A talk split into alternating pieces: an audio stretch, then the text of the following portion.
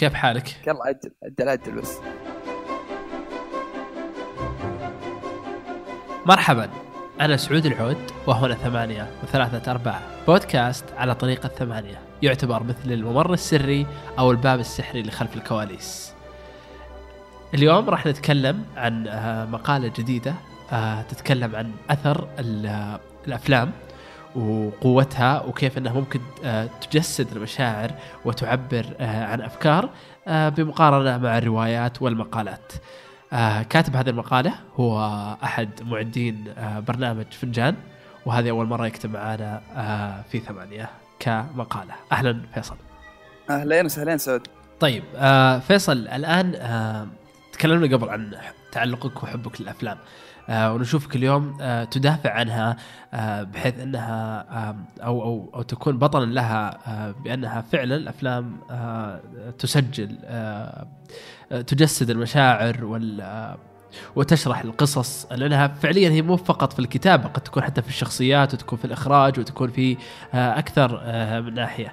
اشرح أكثر؟ صحيح. هو يعني الكتابه بشكل عام يعني بشتى أشكالها سواء كتابة كتابة الرواية كتابة القصيدة كتابة ال- النصوص المقروءة كتابة النصوص المسموعة المرئية. آه كل واحدة بحد ذاتها من أنواع الكتابة هي تعتبر آه تعبير من آه الكاتب أو تعتبر وسط يستخدمه الكاتب للتعبير عن أفكاره لنقل بعض هواجيسه وأفكاره واحيانا إسقاطات وتهكمات ورمزيات. آه، طيب آه جميل. آه ذكرت آه كمثال سلسلة آه Star Wars ليش Star Wars بالذات؟ آه، صحيح. آه، والله Star Wars أنا السلسلة هذه آه، أحبها كثير وأشوفها صراحة آه، يعني كثير خصوصا من آه، يعني متابعين السينما اللي قابلتهم في دائرتي والعرب بشكل عام. آه، ما يعيرون هذاك الاهتمام الكبير. آه، سلسلة أنا أراها ممتعة جدا ممتازة على يعني أصعدة ونواحي كثيرة جدا وربما يعني آه، الصورة النمطية عنها إنها آه، طفولية قليلا وإنها آه، قديمة شوي ولكن اللي يخفى على الكثير والكثير من الناس اللي هو مدى العمق اللي في كتابة السلسلة هذه.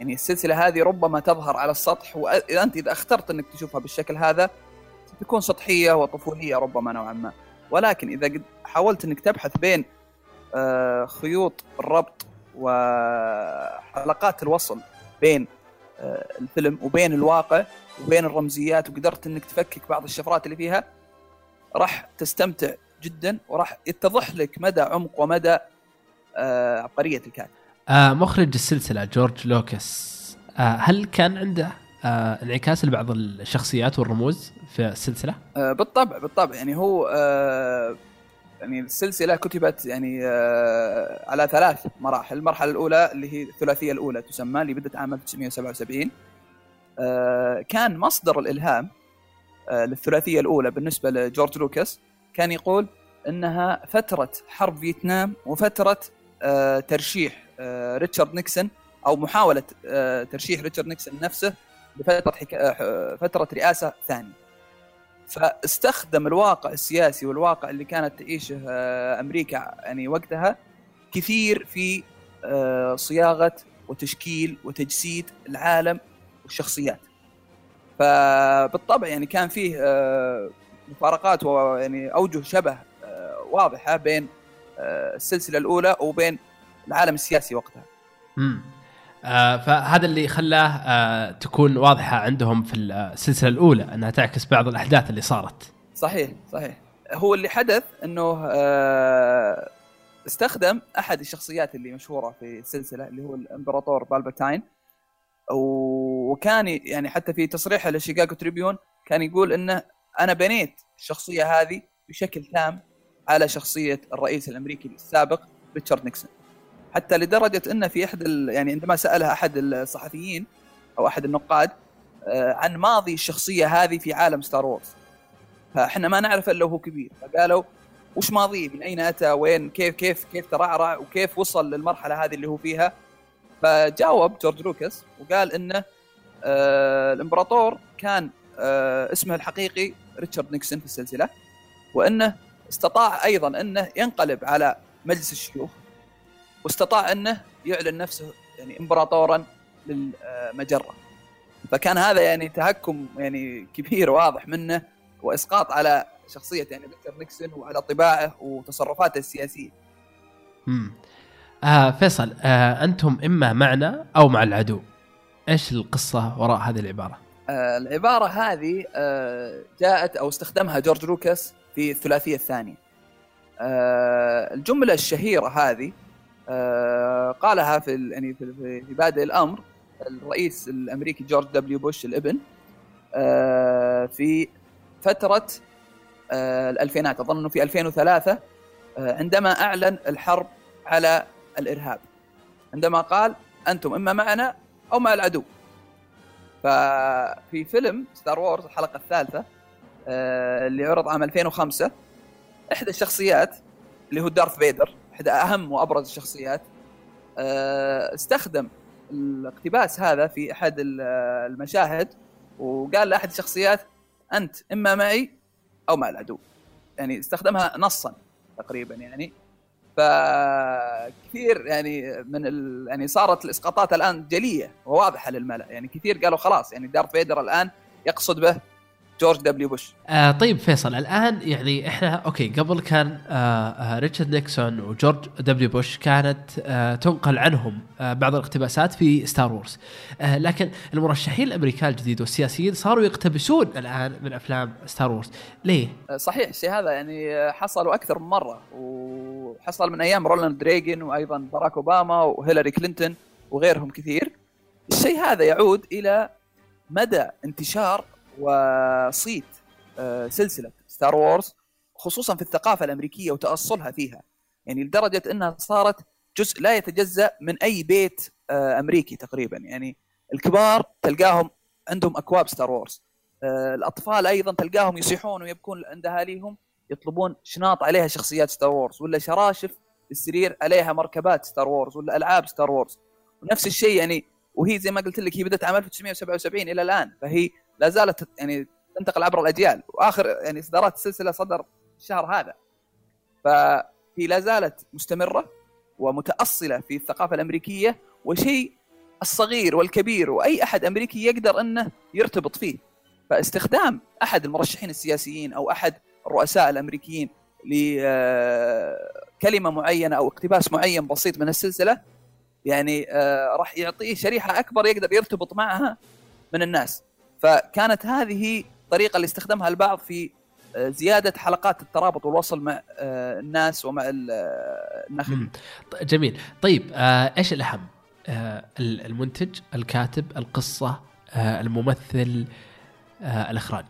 والله هذه يعني كلها العناصر مهمة ويعني ضعف أحدها أكيد راح يؤدي إلى ضعف المنتج النهائي لكن أنا برأيي آه، أرى أن أهم عنصر في آه، في الفيلم هو الكتابة والنص هذا هو اللي أراه أنا هو اللي فعلا قد يعني يصنع الفيلم أو يعني آه، يمحوه من العدم.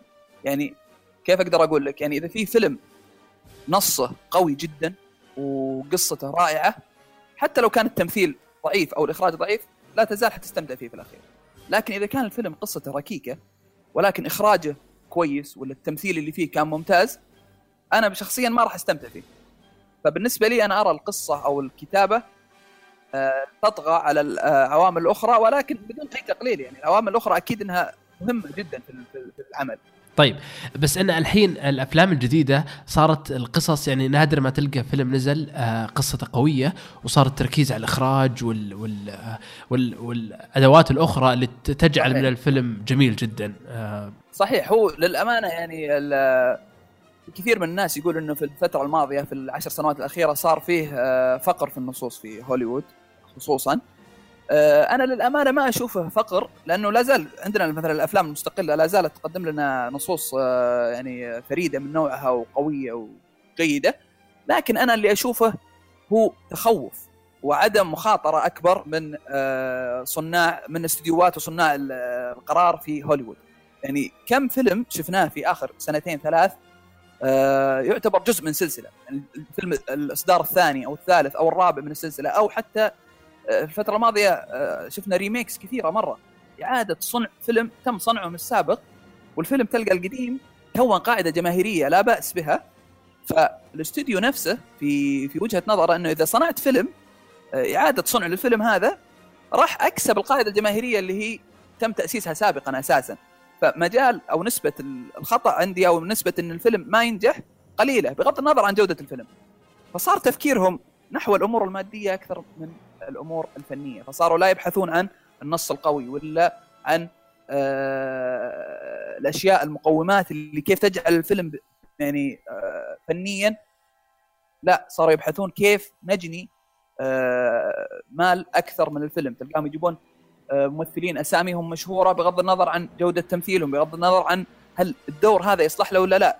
صاروا يكثرون من ال visual effect لأن الجمهور كثير منه يطلب الشيء هذا. بغض النظر عن هل هي تخدم الفيلم أو لا بغض النظر هل هي آه فنيا آه سليمة أو لا فصار التوجه أكثر آه نحو الأمور المادية وصار فيه تخوف من المخاطرة وتخوف من الاستثمار في النصوص الجديدة والقصص الجديدة والأفلام بس الأفلام المستقلة هي اللي لا زالت الأمانة يعني تقوم بالدور هذا على أكمل وجه. عظيم. آه فيصل السينما السعودية آه شعورك وتوقعاتك؟ والله الواحد آه يعني ما يقدر إلا يتطلع ويأمل إنه آه كل شيء إن شاء الله يكون آه ممتاز. وحنا يعني شفنا تجارب كويسة خلال السنوات الماضية وشفنا الناس يعني ما شاء الله يعني في قبول وفيه صناع أفلام مميزين ورائعين. والأكيد والأهم إنه عندنا القدرة عندنا صناع النص عندنا الثقافة التي تستحق الانتشار عندنا جميع الأدوات. فالتوليفه إن شاء الله كلها موجودة. وما عاد باقي إلا فعلا إنه الخطوة الأخيرة واللي هي صناعة الفيلم نفسه هو إن شاء الله إنه كلنا ثقة ويعني وأمل وتطلع بأن الشيء هذا راح يصير على أتم وجه آه فيصل ينصح ويقول آه عندما تقوم بمشاهدة فيلم جديد عليك بالتمحيص في خباياه وطبقاته ورسم الخطوط بين رمزياته وعالمنا الحقيقي.